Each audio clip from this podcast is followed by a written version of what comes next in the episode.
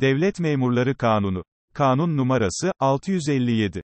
Bu kanun, genel ve katma bütçeli kurumlar, il özel idareleri, belediyeler, il özel idareleri ve belediyelerin kurdukları birlikler ile bunlara bağlı döner sermayeli kuruluşlarda, kanunlarla kurulan fonlarda, kefalet sandıklarında veya beden terbiyesi bölge müdürlüklerinde çalışan memurlar hakkında uygulanır. Sözleşmeli personel hakkında bu kanunda belirtilen özel hükümler uygulanır. Anayasa Mahkemesi üye ve yedek üyeleri ile raportörleri, hakimlik ve savcılık mesleklerinde veya bu mesleklerden sayılan görevlerde bulunanlar, Danıştay ve Sayıştay meslek mensupları ve Sayıştay savcı ve yardımcıları, üniversitelerin, iktisadi ve ticari ilimler akademilerinin, devlet mühendislik ve mimarlık akademilerinin, devlet güzel sanatlar akademilerinin, Cumhurbaşkanlığı Senfoni Orkestrası üyeleri, Genelkurmay Mehtaran Bölüğü sanatkarları, devlet tiyatrosu ile devlet opera ve balesi ve belediye opera ve tiyatroları ile şehir ve belediye konservatuvar ve orkestralarının sanatkar memurları, uzman memurları, uygulatıcı uzman memurları ve stajyerleri, spor toto teşkilatında çalışan personel, subay, ast subay, uzman jandarma, uzman erbaş ve sözleşmeli erbaş ve erler ile emniyet teşkilatı mensupları, özel kanunları hükümlerine tabidir. Bu kanunun amacı, bu kanun, devlet memurlarının hizmet şartlarını, niteliklerini, atanma ve yetiştirilmelerini, ilerleme ve yükselmelerini, ödev, hak, yüküm ve sorumluluklarını, aylıklarını ve ödeneklerini ve diğer özlük işlerini düzenler. Bu kanunda öngörülen yönetmelikler, Cumhurbaşkanınca yürürlüğe konulur. Temel ilkeler. Bu kanunun temel ilkeleri şunlardır. Sınıflandırma. Devlet kamu hizmetleri görevlerini ve bu görevlerde çalışan devlet memurlarını görevlerin gerektirdiği niteliklere ve mesleklere göre sınıflara ayırmaktır. Kariyer, devlet memurlarına, yaptıkları hizmetler için lüzumlu bilgilere ve yetişme şartlarına uygun şekilde, sınıfları içinde en yüksek derecelere kadar ilerleme imkanını sağlamaktır. Liyakat ise, devlet kamu hizmetleri görevlerine girmeyi, sınıflar içinde ilerleme ve yükselmeyi, görevin sona erdirilmesini liyakat sistemine dayandırmak ve, bu sistemin eşit imkanlarla uygulanmasında devlet memurlarını güvenliğe sahip kılmaktadır. İstihdam şekilleri. Kamu hizmetleri, memurlar, sözleşmeli personel ve işçiler eliyle gördürülür. Memur Mevcut kuruluş biçimine bakılmaksızın, devlet ve diğer kamu tüzel kişiliklerince genel idare esaslarına göre yürütülen asli ve sürekli kamu hizmetlerini ifa ile görevlendirilenler, bu kanunun uygulanmasında memur sayılır. Bu tanımlananlar dışındaki kurumlarda genel politika tespiti, araştırma, planlama, programlama, yönetim ve denetim gibi işlerde görevli ve yetkili olanlar da memur sayılır.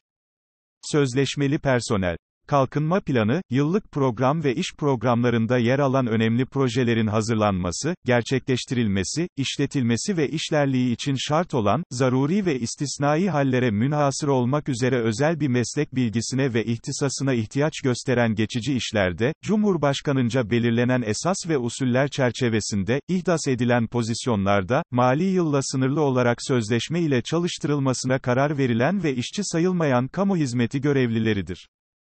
Ancak, yabancı uyrukluların, tarihi belge ve eski harflerle yazılmış arşiv kayıtlarını değerlendirenlerin mütercimlerin, tercümanların, Milli Eğitim Bakanlığında norm kadro sonucu ortaya çıkan öğretmen ihtiyacının kadrolu öğretmen istihdamıyla kapatılamaması hallerinde öğretmenlerin, dava adedinin azlığı nedeni ile kadrolu avukat istihdamının gerekli olmadığı yerlerde avukatlarını, kadrolu istihdamın mümkün olamadığı hallerde tabip veya uzman tabiplerin, adli tıp müessesesi uzmanlarının, devlet konservatuvarları sanatçı öğretim üyelerinin, İstanbul Belediyesi konservatuvarı sanatçılarının, bu kanuna tabi kamu idarelerinde ve dış kuruluşlarda belirli bazı hizmetlerde çalıştırılacak personelin de zorunlu hallerde, sözleşme ile istihdamları uygundur.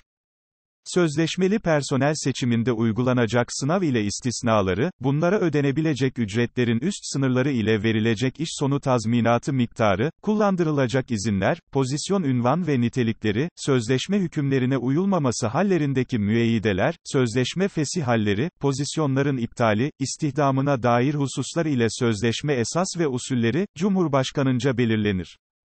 Bu şekilde istihdam edilenler, hizmet sözleşmesi esaslarına aykırı hareket etmesi nedeniyle kurumlarınca sözleşmelerinin feshedilmesi veya sözleşme dönemi içerisinde Cumhurbaşkanı kararı ile belirlenen istisnalar hariç, sözleşmeyi tek taraflı feshetmeleri halinde, fesih tarihinden itibaren bir yıl geçmedikçe kurumların sözleşmeli personel pozisyonlarında istihdam edilemezler. Bir yıldan az süreli veya mevsimlik hizmet olduğuna Cumhurbaşkanınca karar verilen görevlerde sözleşme ile çalıştırılanlar da, bu fıkra kapsamında istihdam edilebilir. Özelleştirme uygulamaları sebebiyle iş akitleri kamu veya özel sektör işverenince feshedilen ve özelleştirme uygulamaları hakkında kanun kapsamında diğer kamu kurum ve kuruluşlarına nakil hakkı bulunmayan personel de, bu fıkra kapsamında yaşlılık veya malullük aylığı almaya hak kazanıncaya kadar istihdam edilebilir. Bu kapsamda istihdam edileceklerin sayısı, öğrenim durumlarına göre çalışma şartları ve bunlara ödenecek ücretler ile diğer hususlar Cumhurbaşkanınca belirlenir. İşçiler memur, sözleşmeli personel fıkralarında belirtilenler dışında kalan ve, ilgili mevzuatı gereğince tahsis edilen sürekli işçi kadrolarında belirsiz süreli iş sözleşmeleriyle çalıştırılan sürekli işçiler ile, mevsimlik veya kampanya işlerinde ya da, orman yangınıyla mücadele hizmetlerinde ilgili mevzuatına göre geçici iş pozisyonlarında 6 aydan az olmak üzere, belirli süreli iş sözleşmeleriyle çalıştırılan geçici işçilerdir. Bunlar hakkında bu kanun hükümleri uygulanmaz. Bu kanuna tabi kurumlar, bu istihdam şekli dışında personel çalıştıramazlar. Memurların ödevler ve sorumlulukları. Bu konunun detaylarını vermeden önce başlıklar halinde şöyle bir sıralayalım. Bu arada memurların ödevleri ve memurlara öngörülen yasaklar, sınavlarda iç içe sorulabilir, bu hususa dikkat edelim. Memurların ödevler ve sorumlulukları sadakat, tarafsızlık ve devlete bağlılık, davranış ve işbirliği, yurt dışında davranış, amir durumda olan devlet memurlarının görev ve sorumlulukları, devlet memurlarının görev ve sorumlulukları, kişisel sorumluluk ve zarar, kişilerin uğradıkları zararlar, mal bildirimi, basına bilgi veya demeç verme ve son olarak resmi belge, araç ve gereçlerin yetki verilen mahaller dışına çıkarılmaması ve iadesi. Sadakat, devlet memurları, Türkiye Cumhuriyeti Anayasasına ve kanunlarına sadakatla bağlı kalmak ve milletin hizmetinde Türkiye Cumhuriyeti kanunlarını sadakatla uygulamak zorundadırlar. Devlet memurları bu hususu, asli devlet memurluğuna atandıktan sonra en geç bir ay içinde, kurumlarınca düzenlenecek merasimle yetkili amirlerin huzurunda yapacakları yeminle belirtirler ve, özlük dosyalarına konulacak yemin belgesini imzalayarak göreve başlarlar. Tarafsızlık ve devlete bağlılık. Devlet memurları siyasi partiye üye olamazlar, herhangi bir siyasi parti, kişi veya zümrenin yararını veya zararını hedef tutan bir davranışta bulunamazlar, görevlerini yerine getirirlerken dil, ırk, cinsiyet, siyasi düşünce, felsefi inanç, din ve mezhep gibi ayrım yapamazlar, hiçbir şekilde siyasi ve ideolojik amaçlı beyanda ve eylemde bulunamazlar ve bu eylemlere katılamazlar. Devlet memurları her durumda devletin menfaatlerini korumak mecburiyetindedirler. Türkiye Cumhuriyeti Anayasasına ve kanunlarına aykırı olan, memleketin bağımsızlığını ve bütünlüğünü bozan Türkiye Cumhuriyeti'nin güvenliğini tehlikeye düşüren herhangi bir faaliyette bulunamazlar. Aynı nitelikte faaliyet gösteren herhangi bir harekete, gruplaşmaya, teşekküle veya derneğe katılamazlar, bunlara yardım edemezler. Davranış ve işbirliği Devlet memurları, resmi sıfatlarının gerektirdiği itibar ve güvene layık olduklarını hizmet içindeki ve dışındaki davranışlarıyla göstermek zorundadırlar. Devlet memurlarının işbirliği içinde çalışmaları esastır. Yurt dışında davranış. Devlet memurlarından sürekli veya geçici görevle veya yetişme, inceleme ve araştırma için yabancı memleketlerde bulunanlar devlet itibarını veya görev haysiyetini zedeleyici fiil ve davranışlarda bulunamazlar. Amir durumda olan devlet memurlarının görev ve sorumlulukları. Devlet memurları amiri oldukları kuruluş ve hizmet birimlerinde kanun ve diğer mevzuatta belirlenen görevleri zamanında ve eksiksiz olarak yapmaktan ve yaptırmaktan, mahiyetindeki memurlarını yetiştirmekten, hal ve hareketlerini takip ve kontrol etmekten görevli sorumludurlar. Amir, mahiyetindeki memurlara hakkaniyet ve eşitlik içinde davranır. Amirlik yetkisini kanun ve diğer mevzuatta belirtilen esaslar içinde kullanır. Amir, mahiyetindeki memurlara kanunlara ve Cumhurbaşkanlığı kararnamelerine aykırı emir veremez ve mahiyetindeki memurdan hususi bir menfaat temin edecek bir talepe bulunamaz, hediyesini kabul edemez ve borç alamaz. Devlet memurlarının görev ve sorumlulukları Devlet memurları kanun ve diğer mevzuatta belirtilen esaslara uymakla ve amirler tarafından verilen görevleri yerine getirmekle yükümlü ve görevlerinin iyi ve doğru yürütülmesinden amirlerine karşı sorumludurlar. Devlet memuru amirinden aldığı emri, anayasa, kanun, cumhurbaşkanlığı kararnamesi ve yönetmelik hükümlerine aykırı görürse, yerine getirmez ve bu aykırılığı o emri verene bildirir. Amir emrinde ısrar eder ve bu emrini yazı ile yenilerse, memur bu emri yapmaya mecburdur. Ancak emrin yerine getirilmesinden doğacak sorumluluk emri verene aittir. Konusu suç teşkil eden emir, hiçbir suretle yerine getirilmez, yerine getiren kimse sorumluluktan kurtulamaz. Acele hallerde kamu düzeninin ve kamu güvenliğinin korunması için kanunla gösterilen istisnalar saklıdır. Bu husus, aynı zamanda anayasamızın 137. maddesinde, kanunsuz emir başlığı altında düzenlenmiştir. Kişisel sorumluluk ve zarar. Devlet memurları, görevlerini dikkat ve itina ile yerine getirmek ve kendilerine teslim edilen devlet malını korumak ve her an hizmete hazır halde bulundurmak için gerekli tedbirleri almak zorundadırlar. Devlet memurunun kasıt, kusur, ihmal veya tedbirsizliği sonucu idare zarara uğratılmışsa, bu zararın ilgili memur tarafından raiç bedeli üzerinden ödenmesi esastır. Zararların ödettirilmesinde bu konudaki genel hükümler uygulanır. Ancak fiilin meydana geldiği tarihte en alt derecenin birinci kademesinde bulunan memurun bürüt aylığının yarısını geçmeyen zararlar, kabul etmesi halinde, disiplin amiri veya yetkili disiplin kurulu kararına göre ilgili memurca ödenir. Kişilerin uğradıkları zararlar. Kişiler kamu hukukuna tabi görevlerle ilgili olarak uğradıkları zararlardan dolayı bu görevleri yerine getiren personel aleyhine değil, ilgili kurum aleyhine dava açarlar. Ancak, devlet dairelerine tevdi veya bu dairelerce tahsil veya muhafaza edilen para ve para hükmündeki değerli kağıtların ilgili personel tarafından zimmete geçirilmesi halinde, zimmete geçirilen miktar, cezai takibat sonucu beklenmeden hazine tarafından hak sahibine ödenir. Kurumun, genel hükümlere göre sorumlu personele rücu hakkı saklıdır. İşkence ya da zalimane, gayri insani veya haysiyet kırıcı muamele suçları nedeniyle Avrupa İnsan Hakları Mahkemesi'nce verilen kararlar sonucunda devletçe ödenen tazminatlardan dolayı sorumlu personele rücu edilmesi hakkında da yukarıdaki fıkra hükmü uygulanır.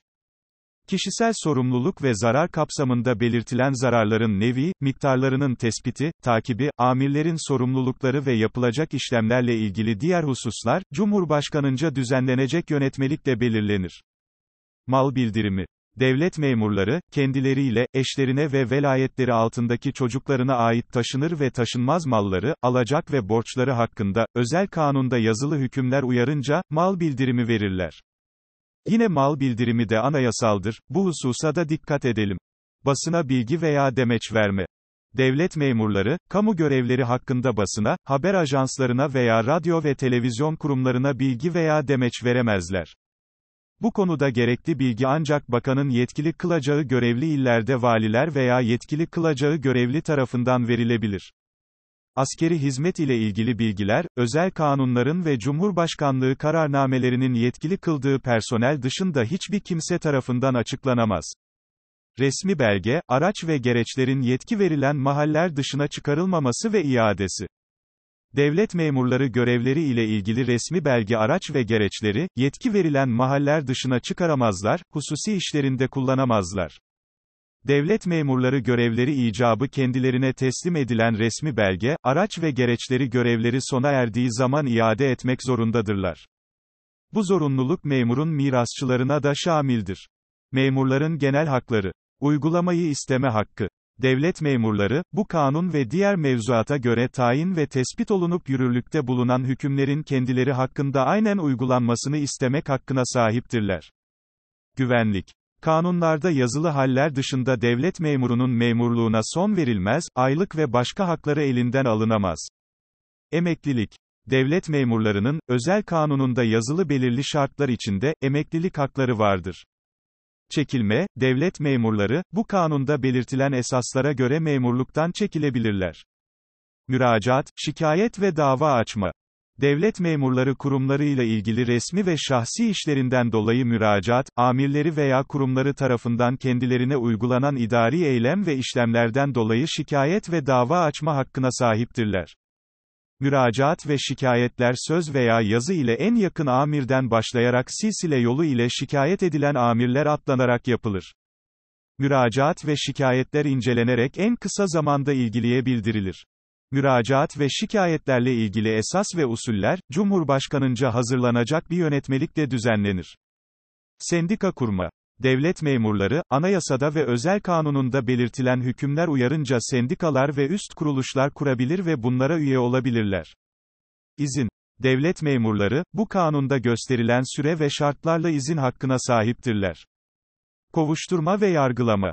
Devlet memurlarının görevleri ile ilgili veya görevleri sırasında işledikleri suçlardan dolayı soruşturma ve kovuşturma yapılması ve haklarında dava açılması özel hükümlere tabidir. İsnat ve iftiralara karşı koruma. Devlet memurları hakkındaki ihbar ve şikayetler, garaz veya mücerret hakaret için, uydurma bir suç isnadı suretiyle yapıldığı ve soruşturma veya yargılamanın tabi olduğu kanuni işlem sonucunda bu isnat sabit olmadığı takdirde, merkezde bu memurun en büyük amiri, illerde valiler, isnatta bulunanlar hakkında kamu davası açılmasını Cumhuriyet Savcılığından isterler. Devlet memurlarına yasaklar. Toplu eylem ve hareketlerde bulunma yasağı. Devlet memurlarının kamu hizmetlerini aksatacak şekilde memurluktan kasıtlı olarak birlikte çekilmeleri veya görevlerine gelmemeleri veya görevlerine gelip de devlet hizmetlerinin ve işlerinin yavaşlatılması veya aksatılması sonucunu doğuracak eylem ve hareketlerde bulunmaları yasaktır. Grev yasağı. Devlet memurlarının greve karar vermeleri, grev tertiplemeleri, ilan etmeleri, bu yolda propaganda yapmaları yasaktır. Devlet memurları, herhangi bir greve veya grev teşebbüsüne katılamaz, grevi destekleyemez veya teşvik edemezler. Ticaret ve diğer kazanç getirici faaliyetlerde bulunma yasağı. Memurlar, Türk Ticaret Kanunu'na göre tacir veya esnaf sayılmalarını gerektirecek bir faaliyette bulunamaz, görevli oldukları kurumların iştiraklerinde kurumlarını temsilen alacakları görevler hariç, ticaret ve sanayi müesseselerinde görev alamaz, ticari mümessil veya ticari vekil veya kolektif şirketlerde ortak veya komandit şirkette komandite ortak olamazlar. Memurlar, mesleki faaliyette veya serbest meslek icrasında bulunmak üzere ofis, büro, muayenehane ve benzeri yerler açamaz, gerçek kişilere, özel hukuk tüzel kişilerine veya kamu kurumu niteliğindeki meslek kuruluşlarına ait herhangi bir iş yerinde veya vakıf yükseköğretim kurumlarında çalışamaz. Memurların üyesi oldukları yapı, kalkınma ve tüketim kooperatifleri, kamu kurumu niteliğindeki meslek kuruluşları ve kanunla veya Cumhurbaşkanlığı kararnamesi ile kurulmuş yardım sandıklarının yönetim, denetim ve disiplin kurulları üyelikleri ile özel kanunlarda belirtilen görevler bu yasaklamanın dışındadır. Eşleri, reşit olmayan veya mahcur olan çocukları, yasaklanan faaliyetlerde bulunan memurlar bu durumu 15 gün içinde bağlı oldukları kuruma bildirmekte yükümlüdürler. Hediye alma, menfaat sağlama yasağı, devlet memurlarının doğrudan doğruya veya aracı eliyle hediye istemeleri ve görevleri sırasında olmasa dahi menfaat sağlama amacı ile hediye kabul etmeleri veya iş sahiplerinden borç para istemeleri ve almaları yasaktır. Kamu Görevlileri Etik Kurulu, hediye alma yasağının kapsamını belirlemeye ve en az genel müdür veya eşiti seviyedeki üst düzey kamu görevlilerince alınan hediyelerin listesini gerektiğinde her takvim yılı sonunda bu görevlilerden istemeye yetkilidir. Denetimindeki teşebbüsten menfaat sağlama yasağı. Devlet memurunun, denetimi altında bulunan veya kendi görevi veya mensup olduğu kurum ile ilgisi olan bir teşebbüsten, doğrudan doğruya veya aracı eliyle her ne at altında olursa olsun bir menfaat sağlaması yasaktır. Gizli bilgileri açıklama yasağı. Devlet memurlarının kamu hizmetleri ile ilgili gizli bilgileri görevlerinden ayrılmış bile olsalar, yetkili bakanın yazılı izni olmadıkça açıklamaları yasaktır. Yeri gelmişken şu hususa değinelim. Yetki almadan gizli bilgileri açıklamak, devlet memurluğundan çıkarılma cezasını öngörmüşken, açıklanması yasak bilgileri açıklamak, kademe ilerlemesinin durdurulması cezasını gerektirir. Sınıflandırma. Bu kanuna tabi kurumlarda çalıştırılan memurların sınıfları şu şekilde gösterilmiştir.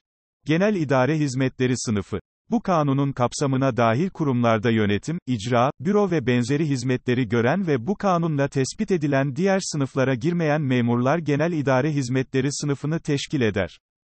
Teknik hizmetler sınıfı Bu kanunun kapsamına giren kurumlarda meslekleriyle ilgili görevleri fiilen ifa eden ve meri hükümlere göre yüksek mühendis, mühendis, yüksek mimar, mimar, jeolog, hidrojeolog, hidrolog, jeofizikçi, fizikçi, kimyager, matematikçi, istatistikçi, yöneylemci, hareket araştırmacısı, matematiksel iktisatçı, ekonomici ve benzeri ile teknik öğretmen okullarından mezun olup da, öğretmenlik mesleği dışında teknik hizmetlerde çalışanlar, mimarlık ve mühendislik fakültesi veya bölümleri bölümlerinden mezun şehir plancısı, yüksek şehir plancısı, yüksek bölge plancısı, 3437 ve 9 Mayıs 1969 tarih 1177 sayılı kanunlara göre tütün eksperi yetiştirilenler ile müskirat ve çay eksperleri, fen memuru, yüksek tekniker, tekniker teknisyen ve emsali teknik unvanlara sahip olup, en az orta derecede mesleki tahsil görmüş bulunanlar, teknik hizmetler sınıfını teşkil eder.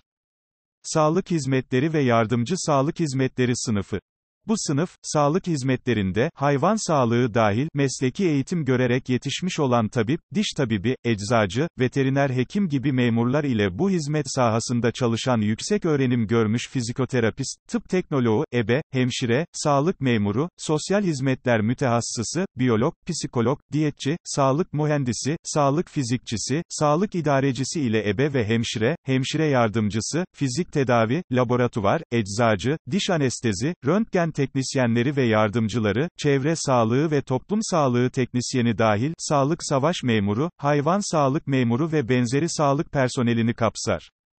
Bu sınıfa dahil personel tarafından yerine getirilmesi gereken hizmetler, lüzumu halinde bedeli döner sermaye gelirlerinden ödenmek kaydıyla, bakanlıkça tespit edilecek esas ve usullere göre hizmet satın alınması yoluyla gördürülebilir.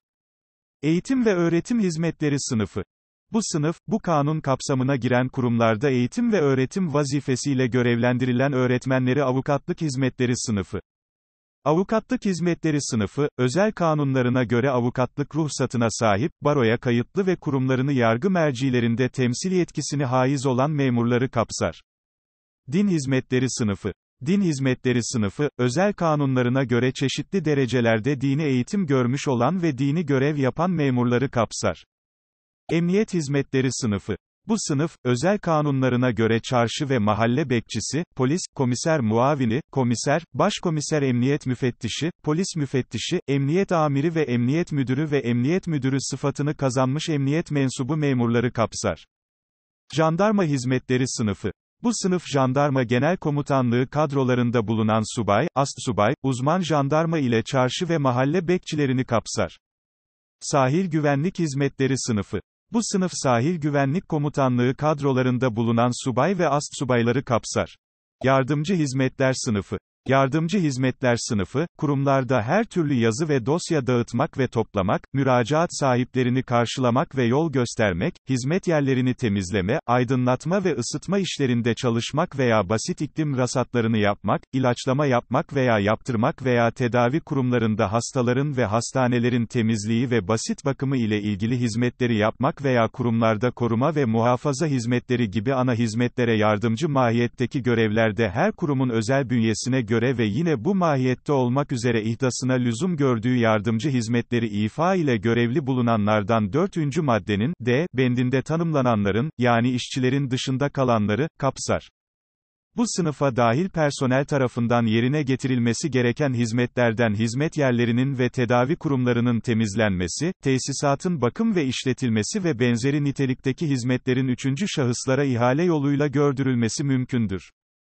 Mülki İdare Amirliği Hizmetleri Sınıfı. Bu sınıf, valiler ve kaymakamlar ile bu sıfatları kazanmış olup İçişleri Bakanlığı Merkez ve İller Kuruluşu'nda çalışanları ve maiyet memurlarını kapsar. Milli İstihbarat Hizmetleri Sınıfı. Bu sınıf, Milli İstihbarat Teşkilatı kadrolarında veya bu teşkilat emrinde çalıştırılanlardan özel kanunlarında gösterilen veya Cumhurbaşkanınca tespit edilen görevleri ifa edenleri kapsar. Öğrenim durumları sebebiyle yükselinebilecek dereceler ve kademeleri, şu tablo yardımıyla görsel ve işitsel hafızanıza yer edinmesi için bırakıyorum. Tamamına yer vermektense bu önemli hususlara değinmemiz yeterli olacaktır. İlkokulu bitirenler 15, ortaokulu bitirenler 14, liseyi bitirenler 13, 2 yıl süreli yükseköğrenim bitirenler 10 ve 4 yıl süreli yükseköğrenim bitirenler, 9. dereceden göreve başlar.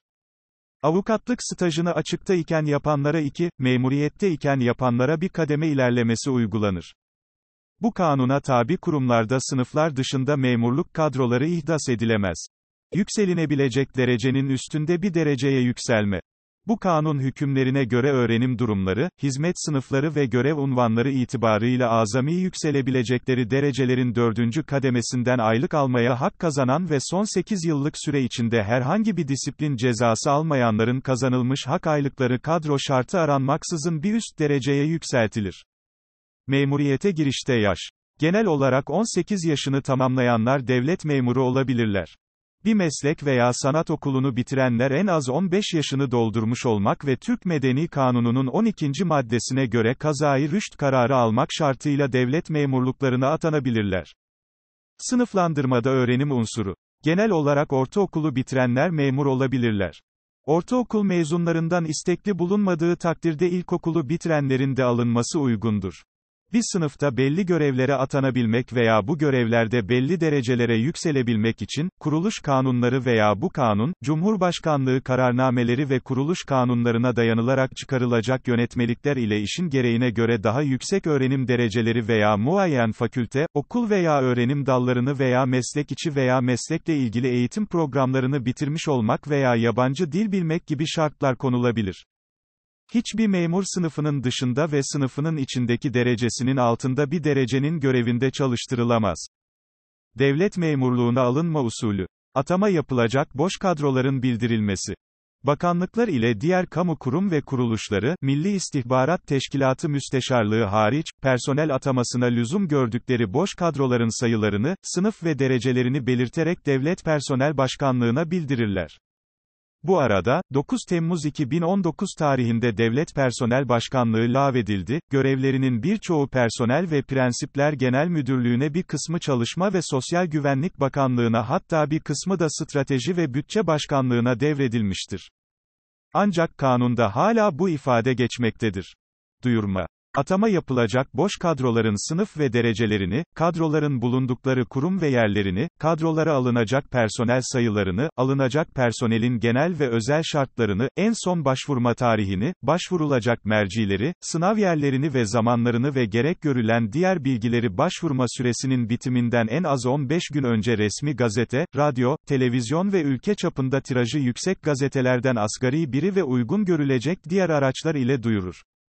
Sınavsız atama yapılacak yerlere kadro adedinden fazla istekli bulunduğu takdirde açılacak sınavın gün ve yeri yukarıdaki şartlara uygun olarak ayrıca duyurulur. Şartlar, genel ve özel şartlar. Devlet memurluğuna alınacaklarda şu şartlar aranır. Genel şartlara bakacak olursak, Türk vatandaşı olmak, genel olarak 18 yaşını tamamlamış olmak, meslek veya sanat okulunu bitiren 15 yaşını doldurup kazayı rüşt kararı verilenler hakkında istisnalar saklıdır. Bu kanundaki öğrenim şartlarını taşımak, kamu haklarından mahrum bulunmamak, Türk Ceza Kanunu'nun 53. maddesinde belirtilen süreler geçmiş olsa bile, kasten işlenen bir suçtan dolayı bir yıl veya daha fazla süreyle hapis cezasına ya da affa uğramış olsa bile devletin güvenliğine karşı suçlar, anayasal düzene ve bu düzenin işleyişine karşı suçlar, zimmet, irtikap, rüşvet, hırsızlık, dolandırıcılık, sahtecilik, güveni kötüye kullanma, hileli iflas, ihaleye fesat karıştırma, edimin ifasına fesat karıştırma, suçtan kaynaklanan mal varlığı değerlerini aklama veya kaçakçılık suçlarından mahkum olmamak. Askerlik durumu itibariyle, askerlikle ilgisi bulunmamak, askerlik çağına gelmemiş bulunmak, askerlik çağına gelmiş ise muvazzaf askerlik hizmetini yapmış yahut ertelenmiş veya yedek sınıfa geçirilmiş olmak, engelli personel çalıştırılmasına dair madde hükümleri saklı kalmak kaydı ile görevini devamlı yapmasına engel olabilecek akıl hastalığı bulunmamak. Özel şartlar ise, hizmet göreceği sınıf için yukarıda belirtilen öğretim ve eğitim kurumlarının birinden diploma almış olmak ve kurumların özel kanun veya diğer mevzuatında aranan şartları taşımak. Engelli personel çalıştırma yükümlülüğü. Kurum ve kuruluşlar bu kanuna göre çalıştırdıkları personele ait kadrolarda %3 oranında engelli çalıştırmak zorundadır. %3'ün hesaplanmasında, ilgili kurum veya kuruluşun, yurt dışı teşkilat hariç, toplam dolu kadro sayısı dikkate alınır. Adaylığa kabul edilme Sınavlarda başarılı olanlardan devlet memurluğuna girmek isteyenler başarı listesindeki sıraya ve 47. maddeye göre ilan edilen kadro sayısı kadar, kurumlarınca memur adayı olarak atanırlar. Aday olarak atanmış devlet memurunun adaylık süresi bir yıldan az, iki yıldan çok olamaz ve bu süre içinde aday memurun başka kurumlara nakli yapılamaz. Adayların yetiştirilmesi Aday olarak atanan memurların önce bütün memurların ortak vasıfları ile ilgili temel eğitime, bilahare sınıfları ile ilgili hazırlayıcı eğitime ve staja tabi tutulmaları ve devlet memuru olarak atanabilmeleri için başarılı olmaları şarttır. Temel eğitim ile hazırlayıcı eğitim aynı kurumda yapılır. Eğitim süreleri, programları, değerlendirme esasları ve hangi kurumların sorumluluğunda yapılacağı ve diğer hususlar, Cumhurbaşkanınca hazırlanacak bir yönetmelikle düzenlenir. Adaylık devresi içinde göreve son verme. Adaylık süresi içinde temel ve hazırlayıcı eğitim ve staj devrelerinin her birinde başarısız olanlarla adaylık süresi içinde hal ve hareketlerinde memuriyetle bağdaşmayacak durumları, göreve devamsızlıkları tespit edilenlerin disiplin amirlerinin teklifi ve atamaya yetkili amirin onayı ile ilişkileri kesilir. Adaylık devresi içinde veya sonunda, bu şekilde ilişikleri kesilenler, sağlık nedenleri hariç, 3 yıl süre ile devlet memurluğuna alınmazlar. Adaylık süresi sonunda başarısızlık. Adaylık süresi içinde aylıktan kesme veya kademe ilerlemesinin durdurulması cezası almış olanların disiplin amirlerinin teklifi ve atamaya yetkili amirin onayı ile ilişikleri kesilir. Bir sonraki podcast'imiz, 657 sayılı kanunun ikinci bölümü, hizmet şartları ve şekilleri ile devam edecektir. Görüş, öneri ve taleplerinizi podcast'imizin açıklamalar kısmında yer alan irtibat kanallarından tarafıma iletebilirsiniz. Podcast'lerde yer alan görseller sosyal medya hesaplarımızdan ve Telegram kanalımızdan paylaşılmaktadır. Bizleri sosyal medya hesaplarından takip edebilirsiniz. Herkese iyi çalışmalar dilerim.